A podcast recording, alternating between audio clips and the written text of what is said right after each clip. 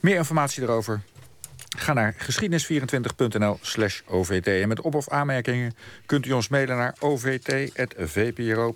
En we zijn ook nog te volgen op Twitter, OVT Radio 1. En dan nu in het spoor terug de documentaire Voor Altijd 33. Gierende gitaren, schaars geklede danseressen en een flower power Jezus. Morgen is hij weer op tv te zien. Jesus Christ Superstar. De verfilmde rockopera uit 1973 van regisseur Norman Jewison. Radiomaker Laura Stek, groot fan van die film... was benieuwd naar wat er geworden is van Ted Neely... die destijds de Jezusrol vertolkte. Ze zocht hem op in Rome en maakte de nu volgende paasdocumentaire.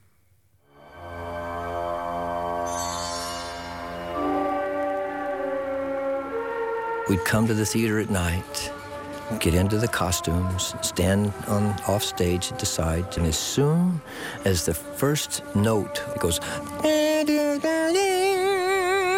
you just start to be taken. It takes you somewhere. Zoals je de Matthäus Passion hebt op de ene zender, heb je op de andere zender Jesus Christ Superstar. Ik vond het geweldig.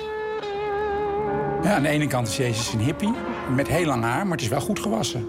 Het is een hunk, een hunk in een lange jurk. When the film was made, I was 29. I'm now 33. I shall forever be 33.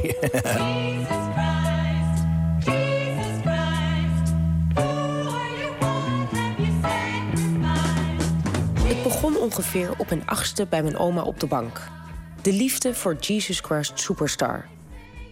Mijn atheïstische opvoeding was geen enkel bezwaar. De elektrische gitaren, de woestijndansjes, de afropruiken en de jaren 70 pakjes. Ik vond het allemaal geweldig. Tot op de dag van vandaag. En nee, daar schaam ik me niet voor.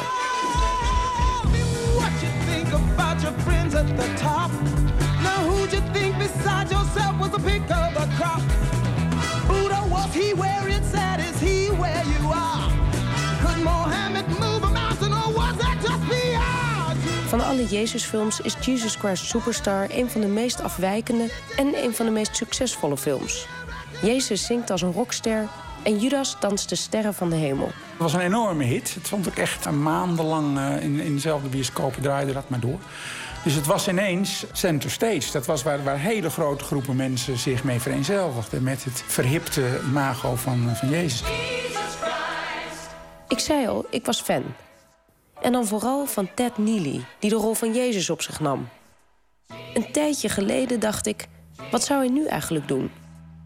Ik zocht op internet en vond een interview waarin hij zei... I lost count when it hit 5000 times. Honestly, that's not a joke. De nu 70-jarige Ted Neely is de tel kwijtgeraakt nadat hij 5000 keer Jezus had gespeeld. En hij doet het nog steeds. Dit voorjaar voor het eerst in een theater in Rome met een Italiaanse cast.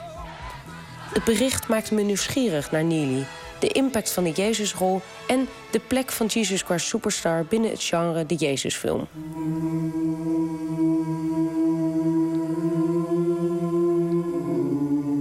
Elke film, elke Jezusfilm is ook een spiegel van zijn tijd. Allereerst spreek ik af met Freek Bakker, die het boek Jezus in beeld een studie naar zijn verschijnen op het witte doek schreef. Hij behandelde ongeveer 25 films, een kleine selectie uit een breed scala. Volgens een van de een of Duitse wetenschappers zijn er iets van 150 Jezusfilms geweest. Maar dan horen daar ook de pornofilms bij. Die heb ik dus niet gevonden. Daar heb ik ook niet echt heel hard naar gezocht. De eerste film uit het genre stamt uit 1897, gefinancierd door een katholieke uitgever. In de jaren daarna zien ook andere uitgevers de voordelen van het nieuwe medium. Dat je de wonderen kon laten zien. Zeg maar, eh, Jezus liep op het water. Het heeft wel even geduurd voor die film kwam. Dat was 1899. Die film uh, is maar één minuut, maar uh, daar kwamen ze voor. En het gemak van een Jezusfilm was ook dat heel veel mensen het verhaal al kenden. En voor een stomme film is dat heel fijn, want dan hoef je niet alles uit te leggen. Dus men liet dan, uh, zeker in de begintijd, vaak met een bijbeltekstje. En dan kwam er een stukje film. En dan kwam weer een bijbeltekstje. En dan kwam weer een stukje film. Zo zijn de eerste Jezusfilms geweest. Maar het zou tot 1927 duren voordat de eerste beetje behoorlijke Jezusfilm werd gemaakt. The King of Kings van Cecil B. DeMille. Het begint met een nogal gewaagde openingsscène waarin Maria Magdalena half ontkleed knuffelt met panters en in een koets met zebra's wordt voortgetrokken. Toch was de Mil voorzichtig met zijn film. De mail moest er ook rekening mee houden dat uh, de kerk een film kon verbieden. Want als dat gebeurde, dan had hij gelijk minder kijkers in die bioscoop. En dat uh, moest natuurlijk niet. Dus hij zorgde ervoor dat toen hij de film maakte... er ook een katholieke priester bij betrokken was... en een protestantse dominee en een Joodse rabbijn. En zelfs nog een boeddhist was erbij. En uh, er werden ook op de set regelmatig katholieke diensten gehouden. Daarnaast was de rol van Jezus cruciaal. Hij dacht, een man van 30 die Jezus speelt, dat komt niet goed. Dus hij selecteerde een acteur van 50 jaar en die heeft Jezus gespeeld. Jezus moest toch een beetje iets van gezag uitstralen. En, en hij heet ook een fatherly Jesus, een vaderlijke Jezus. En uh, zo is hij ook echt. Het is een hele vriendelijke, vaderlijke, goede man. En die goede man moest ook buiten de set Jezus waardig blijven om schandalen te voorkomen. De man die Jezus speelde, die werd ook alleen door uh, de mail toegesproken. En de mail zei steeds u tegen hem. We handelen met veel egaars. Want daarvoor was er een film gemaakt. En dan reed Jezus in een auto fladderend door Hollywood. Nou, en daar was een heleboel heisa over. Dus daar moest ook nog, niet alleen de film zelf... maar ook de context moest bewaakt worden. Die bijzondere behandeling heeft ook invloed op de acteur. Een aantal hebben daar boeken over geschreven, dat ze Jezus speelden. De man die Jezus speelde bij de Mil heeft daar al, die ging lezingen geven. Het schijnt toch wel een hele bijzondere ervaring te zijn dat je Jezus speelt.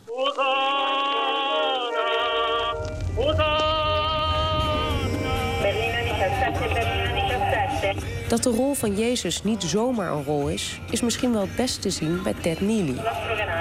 Hij heeft zijn rol na 1973 nooit meer losgelaten. This is your street. Ah, it's big. Ik heb een afspraak op een gigantisch repetitieterrein in de periferie van Rome. Met tenten, heftrucks en caravans. Die Italiaanse Caiaphas is alvast zijn keel aan het smeren. En een groep jonge musicalsterren staat wild te dansen in de ruimte ernaast.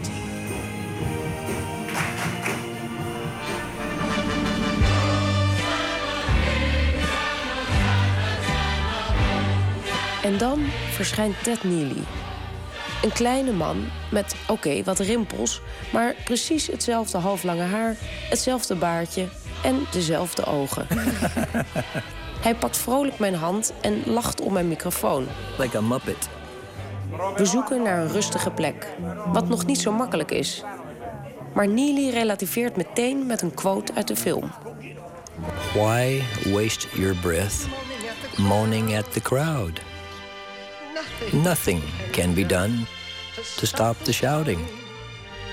So it's better we pull away and accept that. That's what I mean. I've learned so much tolerance in my life because of this. It's like having a, a, a lifetime of education, a new lesson every day. Ted Neely trekt nog dagelijks lessen uit de rockopera. En dat moet misschien ook wel om het nog een beetje leuk te houden.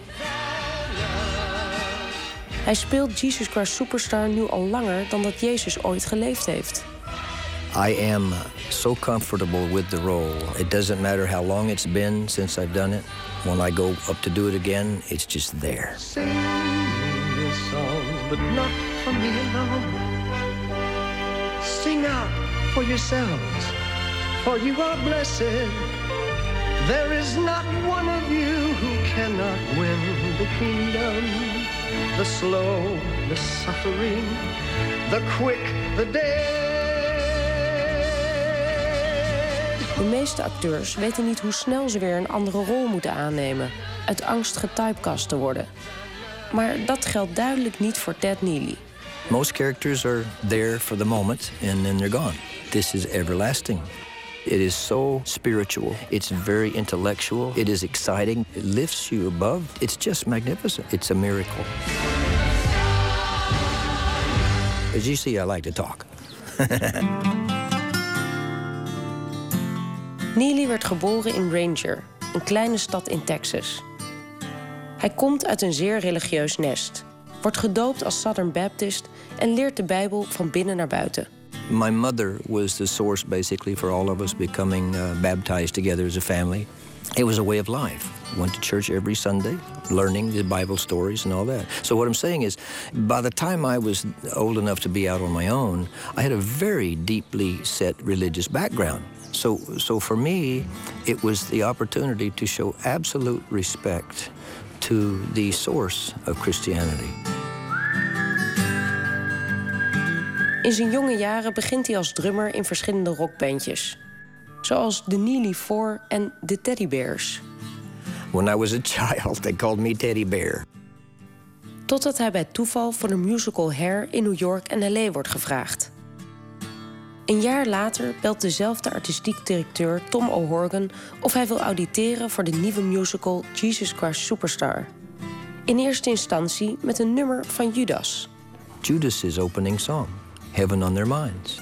Mr. O'Horgan was there, and when I finished the song, he leapt from his chair and ran up on the stage and hugged me, and I'm thinking, I got the part, yes.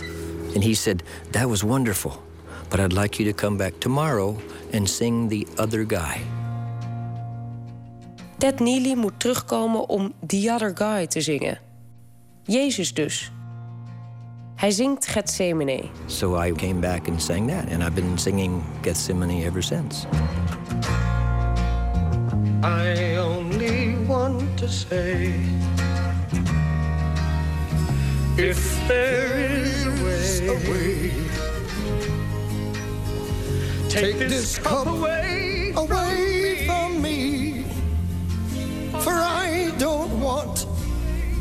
to taste its poison, feel it burn me. I have changed. I'm not as sure as when we started. Voor Jesus Christ Superstar waren er nog een aantal andere belangrijke Jezusfilms uitgekomen. Pas in de jaren 60. Want na The King of Kings uit 1927 was het een tijdje stil geweest. Men was heel voorzichtig en dat had ermee te maken dat het toch wel de vraag was of je Jezus mocht afbeelden. Want ik heb wel gezegd dat de katholieke kerk daar geen probleem mee had, maar de protestanten wel. En die protestanten, dus zeg maar landen als Engeland, de Verenigde Staten, Nederland en ook Duitsland, waren toch sterk ook door de protestanten gekleurd. En dat uh, maakte mensen huiverig voor Jezusfilms. De katholieken vonden wel dat de film van de Mail goed was.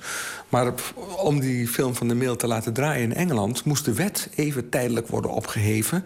Want er was toen een wet dat je Jezus alleen van achter mocht laten zien op het toneel. De echte boost komt pas weer in 1962. Met het Tweede Vaticaans Concilie. Waarin een nieuwe encycliek wordt aangenomen... waarin de film als een goed medium wordt gezien een goed medium om het evangelie mee te verkondigen. Dus, dus aan, aan, twee kanten. Zowel protestanten, nog niet de conservatieve evangelische protestanten... dat komt pas later. Maar de protestanten en katholieken zien de voordelen van het medium. Zien ook hoeveel mensen dat trekt. Na een nieuwe verfilming van The King of Kings... komt in 1964 de Italiaanse film Il Vangelo secondo Matteo van Pasolini uit. Gemaakt met steun van de katholieke kerk. In verità vi dico che un ricco difficilmente entrerà nel regno dei cieli. Alle films zijn al in kleur. En dan komt Pasolini met een film in zwart-wit. Met dorpsbewoners uit Zuid-Italië, aangevuld met uh, vrienden van hemzelf. En onder andere ook zijn moeder die de oude Maria speelt. Andate dite ai suoi discepoli, egli è risorto dai morti e vi precede. Deze film is heel goed ontvangen, maar het is wel een film die Jezus een beetje in de context zet van de strijd van de, en de revolutie van die tijd. Dus met name de revoluties in uh, Latijns-Amerika die uh, later losbarsten. Van de andere Jezus is dit de re meest revolutionaire Jezus geweest. Zoals het een echte revolutionair past, is de Jezus van Pasolini wel iets minder vriendelijk dan die van de King of Kings. Hij heeft een beetje een streng uiterlijk. Met een hoog voorhoofd, doorlopende wenkbrauwen. Ja, heel veel mensen die deze film zien, vinden Jezus ook veel te streng daarin. Ja. Een jaar later zou er nog een film over Jezus volgen.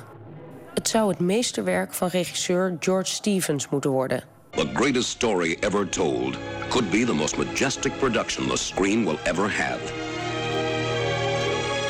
Stunningly rendered for the screen, a monumental film, one of the greatest motion pictures yet made. Pictorially magnificent, a classic, timeless picture. Die man wou echt een hele mooie film van Jezus maken. En iedereen moest meedoen. Uh, dus alle grote filmsterren van Hollywood doen daar mee in die film. En dan, dan, nou ja, dan krijg je dus een beetje het probleem... dat niet Johannes de Doper staat te dopen, maar John Wayne. Baptize me, John. Naar aanleiding van deze film komt Freek Bakker meteen over de valkuilen van de Jezusfilm te spreken. Les 1, kies geen te bekende namen. Les 2, kies geen te bekende locatie. De fout die hij gemaakt heeft, deze man, is dat hij alles opgenomen heeft in uh, Arizona, in het gebied van de Grand Canyon. En uh, dat gebied is heel goed bekend uit de westerns. En daardoor hadden een heleboel Amerikanen die die film... Ja, ja, maar dit is wel, ja, het gaat wel over Jezus en zo... maar dit is allemaal bij ons. In, dit is niet in Israël, niet in Palestina. Behold, I send my messenger... who shall prepare the way... En les 3, haal geen gekke fratsen uit om Jezus op een voetstuk te plaatsen. In diezelfde film praat iedereen uh, gewoon Engels... maar Jezus spreekt in de taal van de Engelse Statenvertaling. De King James Version. Dus dat is ook zoiets vreemds, dat komt niet overtuigend over. En we weten bovendien allemaal nog dat, dat hij waarschijnlijk geen Engels gesproken heeft. En, ja, en dan kom je bij de Passion. Daar sprak hij dan uh, Aramees. Nou, dat klinkt geweldig. Maar het vreemde bij de Passion is weer dat ze uh, spreken Aramees en ze spreken Latijn. Maar waarschijnlijk hebben ze veel minder Latijn gesproken in die tijd, maar Grieks. Als je pretendeert een historische weergave te bieden, dan moet je dat soort dingen niet doen.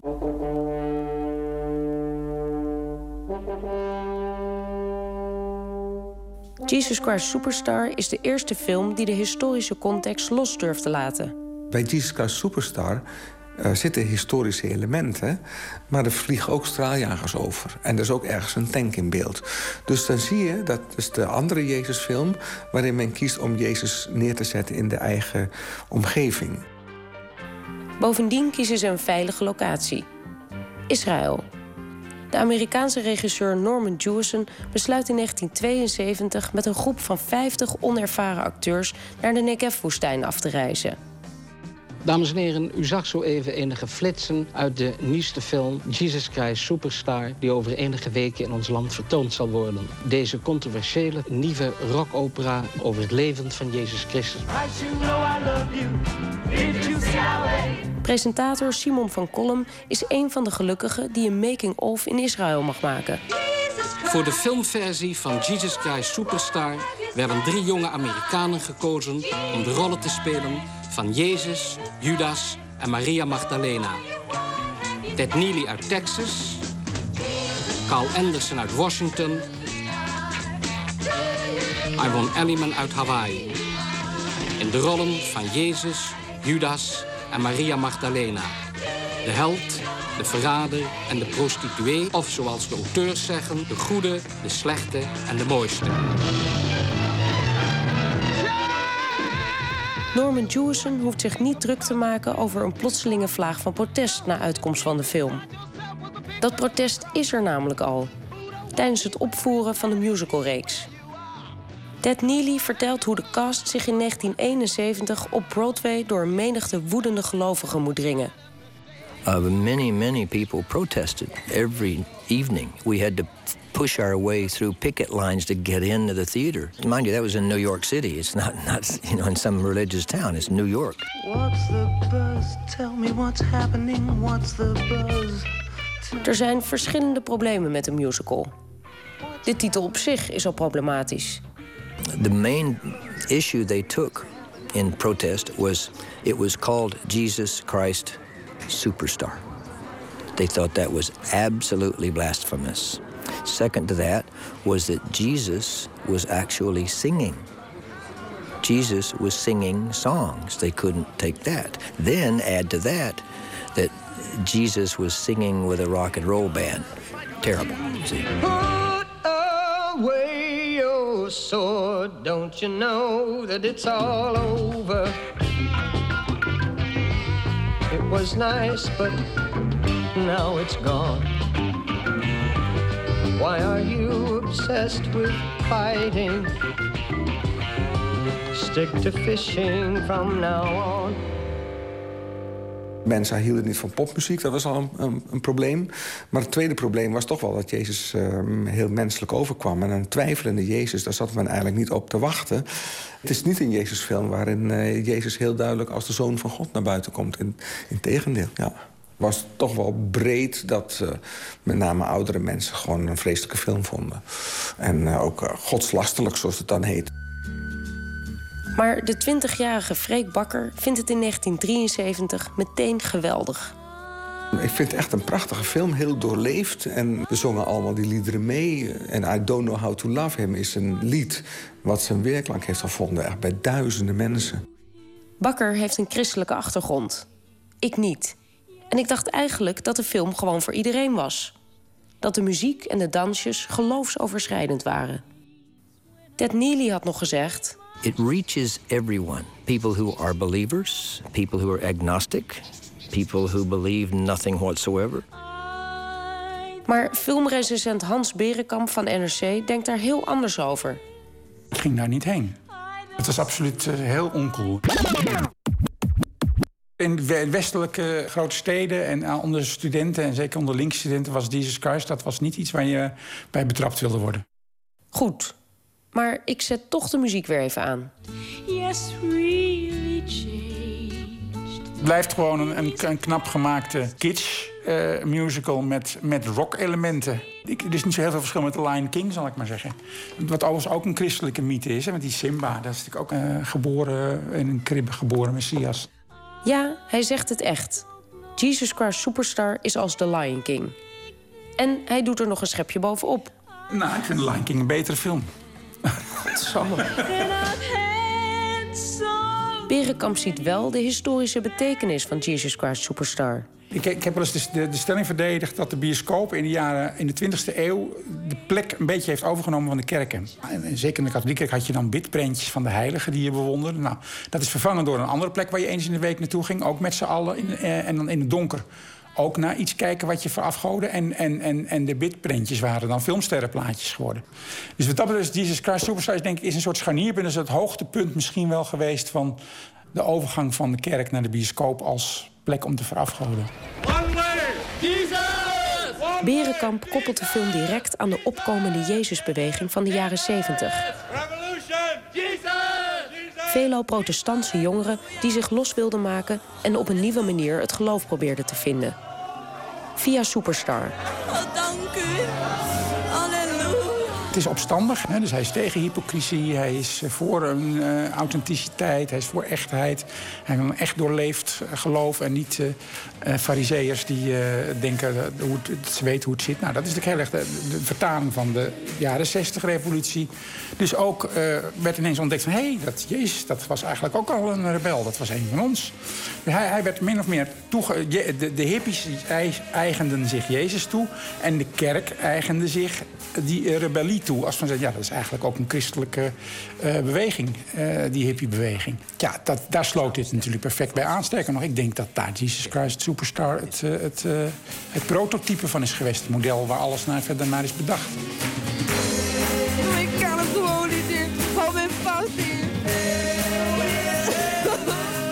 In de NOS-radiodocumentaire High in den Hoge uit 1972 komen Nederlandse Jezusjongeren aan het woord die de musical bezoeken. U bent gelovig? Ja. Hoe diep? Nou, ik weet eigenlijk niet hoe diep, maar ik ben het wel. Ik probeer in Jezus te geloven. Wat voelt u hier? Uh, nou, ik voel me gewoon fijn hier. Het is fijne muziek ook? Ja, heerlijke muziek. Ja. Ja, spreektoortje, geweldig. Geweldige stemmen en zo. Alles is goed. Ja, vind ik wel erg goed. Ik heb nog nooit zoiets geweldigs meegemaakt. Het is uh, goed, het orkest, alles is vreselijk goed. Kan dat niet zonder Jezus? Ik voel gewoon dat hij er is, een wezenheid. En dat is voor mij gewoon genoeg. Uh, katholiek ja, protestant, dat maakt voor nodig. Voor mensen die niet in Jezus geloven en die zo tot Jezus komen. You're the great Jesus Christ. Prove to me that you're divine. Change my water into wine. That's all you need to. Then I'll know it's all true. King of the Jews. In een ander programma wordt de Jezusbeweging met Jesus Christ Superstar als vermeend boegbeeld zelfs gekoppeld aan de ondergang van de maatschappij. In Time Magazine had een Duitse filosoof de musical in verband gebracht met Oswald Spengler en zijn Untergang des Abendlandes. Die dus na de Eerste Wereldoorlog voorspelde dat het begin van het einde van onze westerse beschaving dat zou worden gekenmerkt niet door een echt geloof, maar door een golf van pseudo-religie. Uh, is jouw mening dat wij uh, op het ogenblik uh, aan het begin van dat voorspelde einde zouden staan? Dat dit het symptoom is wat Spengler bedoelde? Nou, inderdaad dacht ik dat deze westerse kapitalistische beschaving zeker al over haar hoogtepunt heen is en in een misschien nog zeer langdurende eindfase zich bevindt. Zo volgt er een eindeloos filosofisch gesprek met een musical als uitgangspunt. Schrijver van de musical Tim Rice vond dat wat ver gezocht en overdreven, zegt hij in een interview in 1971.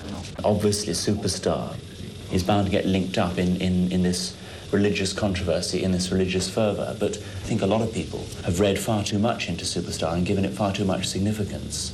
And um, I think when one starts quoting strange German philosophers in connection with Superstar, you're, you're, you're reading too much into it. Although I think what that German chap said uh, was very interesting, but I don't think it should be mentioned in an article about Superstar. One way, Jesus! One way, Jesus! Ook niet alle Jezusen die de musical opvoeren waarderen de directe koppeling aan de Jezusbeweging. De Jezus die naar Nederland komt in 1972 is bijvoorbeeld behoorlijk geïrriteerd over de manifestatie buiten het theater. Why don't you like this uh, manifestation of uh, Jesus people? We are not associated with the Jesus people. Uh, if you want to have your rallies, that's fine, but not not on our time. But they believe in Jesus. Whether I believe in Jesus is totally irrelevant. in Jesus? No. De man die Jezus speelt zegt niet gelovig te zijn. I'm getting paid to do it, sport. What is? I said I am getting paid to do this. You get paid for it? Yes. And I got Jesus in my heart, and I want the people to tell about it. Okay. Why don't you tell them on your time, not on mine? If you know Jesus, then you can bring a message. Friend, I have a philosophy that satisfies me. Terug naar Ted Neely in Rome. De repetities met de Italiaanse cast zijn in volle gang. In tegenstelling tot Neely zijn de andere musicalsterren piepjong. En ze kunnen geen Engels. They have no idea what they're saying. And they're singing the songs. Tell me, Christ, how you feel tonight. Do you plan to put up a fight? Do you... And they don't know what they're saying, but they're giving it the emotion, you see. So I'm amazed that they they are so talented that they can do that. Gelukkig ziet Neely alles van de positieve kant. Hij is erg betrokken bij de repetities. Naast zijn eigen rol als Jezus heeft hij ook de rol van coach op zich genomen. Af en toe neemt hij een zanger apart om wat te praten. Het liefst op de grond met een arm eromheen. Hij krijgt er alleen maar energie van, zegt hij. Every day at the end of rehearsal, they say, Are you tired? No, let's do some more, you see. Misschien was Neely's betrokkenheid en inlevingsvermogen ook wel de reden dat hij werd gekozen voor de film. Naast zijn uiterlijk natuurlijk. There's a look there that was created by Italian artists that I am similar to. So I'm the lucky one. De Jezus van Pasolini was vrij donker. Maar opvallend genoeg zijn de andere Jezusen bijna allemaal blauwogig. Uiterlijk is uh, van Jezus gebaseerd eigenlijk op een uh, oude kerkelijke traditie. Men weet namelijk niet hoe Jezus eruit zag. Er is wel ooit, heeft er een hoofd gestaan uh, in de krant... Maar dat was de gemiddelde Jood. Ja, dus dan kan uh, bij wijze van spreken ook over Petrus gaan. Dus dat, dat hoofd is niet echt van belang. Maar er is eigenlijk uh, heeft dat een hele oude traditie. Dat, uh, het is niet zomaar dat hij een wat donkerharige man met een grote baard is. Want dat was ook het uiterlijk van de Griekse god Zeus. En daarmee werd eigenlijk aangegeven dat Jezus niet een gewoon mens was... maar eigenlijk God zelf. En het tweede die ook er zo uitzag was de keizer van Rome. Er zijn afbeeldingen van keizers met ongeveer hetzelfde uiterlijk. En daarmee werd duidelijk dat Jezus God was... die ja, vanuit de hemel regeert, maar ook over de aarde, op de aarde machtig is. Dus vandaar, uh, dit, dus dat beeld van Jezus is niet zo. Maar het is wel naderhand in de middeleeuwen steeds blonder geworden... En uh, de Jezusen die in de Jezusfilms hebben gespeeld... dit zijn toch wel blanke mannen met een Germaanse, anglo-saxische achtergrond meestal. Norman Jewison koos een Texaanse Jezus, een Hawaïaanse Maria Magdalena en een Afro-Amerikaanse Judas. Dat laatste veroorzaakte wel enige ophef. Maar Jewison verdedigde zich door te zeggen dat het juist discriminerend zou zijn om Carl Anderson niet de rol te geven. I think that's all nonsense because what a great disservice I would be doing Carl, who refused to cast him in this role because of his color, knowing that Carl gave the best screen test.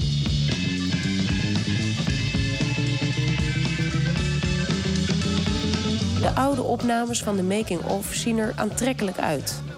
Openhangende shirts met kralenkettingen, bloemenkransen en dansende blote voeten. Eén groot gezellig hippiefestijn. Why should you want to know? Don't you mind about the future? Tijdens de rustpauzes tussen de opnamen wordt een partijtje rugby, Amerikaans voetbal gespeeld. Jezus en Judas, in de film elkaars tegenstanders, zijn hier in een vriendschappelijk gevecht gewikkeld. Maar het zijn niet alleen de wijd uitlopende broeken en de suggestie van joints die de jaren 70 zo duidelijk zichtbaar maken. Jewison koos Israël vanwege de historische lading, maar ook om een actuele vredesboodschap uit te dragen. Dat vertelt hij aan Simon van Kolm. Why did you choose Israel as location? It's very difficult to make the story of Jesus Christ in the streets of Amsterdam or on the on Sunset Boulevard in Hollywood.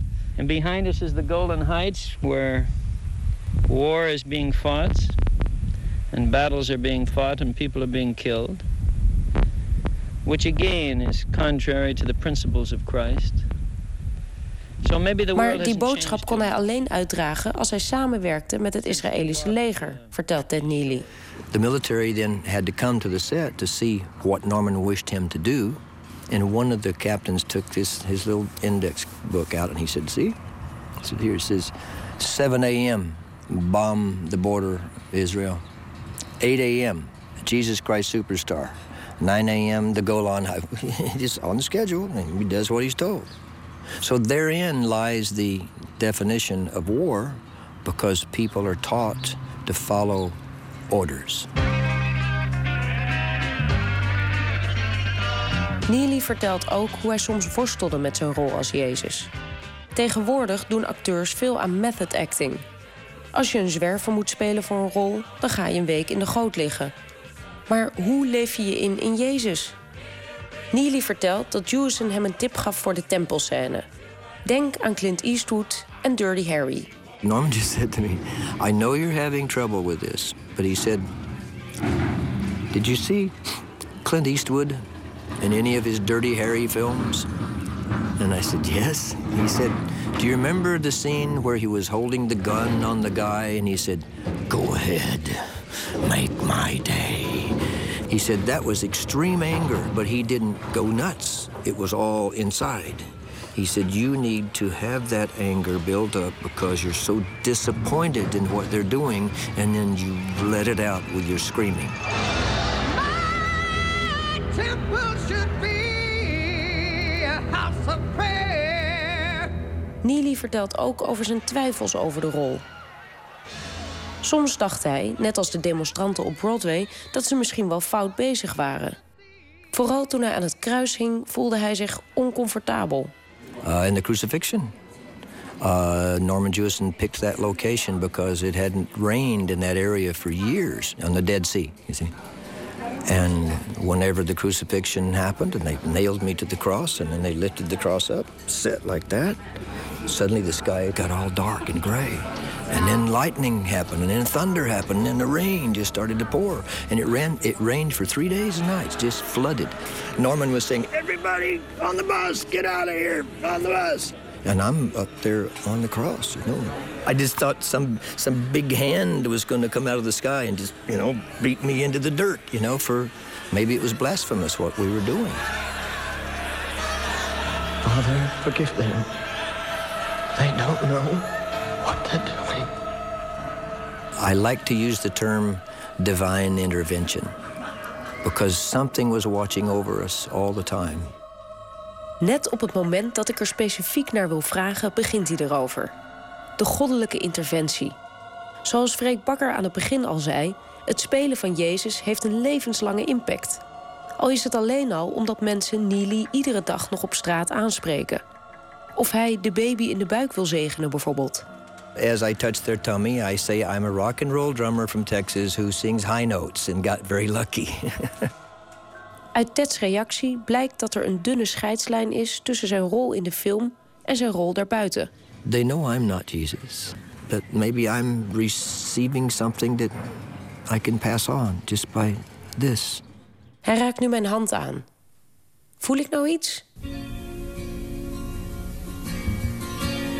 Volgens Hans Berenkamp is het niet direct een aanrader om in Jezusfilms te gaan spelen. Als je eenmaal Jezus hebt gespeeld, dan is je carrière kapot. Dan krijg je daarna nooit meer een andere rol. En er zijn inderdaad een aantal acteurs die uh, veel uh, belovend waren... en nadat ze Jezus hebben gespeeld, is er weinig meer van vernomen. Maar Ted Neely ziet het helemaal niet zo negatief als Berenkamp. Integendeel. Hij wil Jezus blijven spelen tot het eind. Zolang als mensen hem willen hebben en zolang als zijn keel de hoge uithalen kan blijven produceren. As long as this works, as long as anyone would like to have me be a part of it, it's my honor.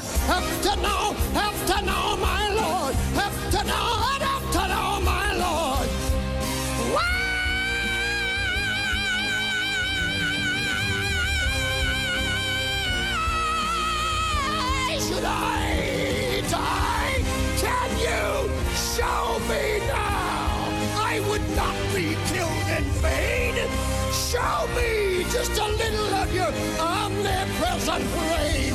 Show me there's a reason for you wanting me. Ja, dit was de documentaire voor altijd 33 van Laura Stek, techniek Berry Kamer.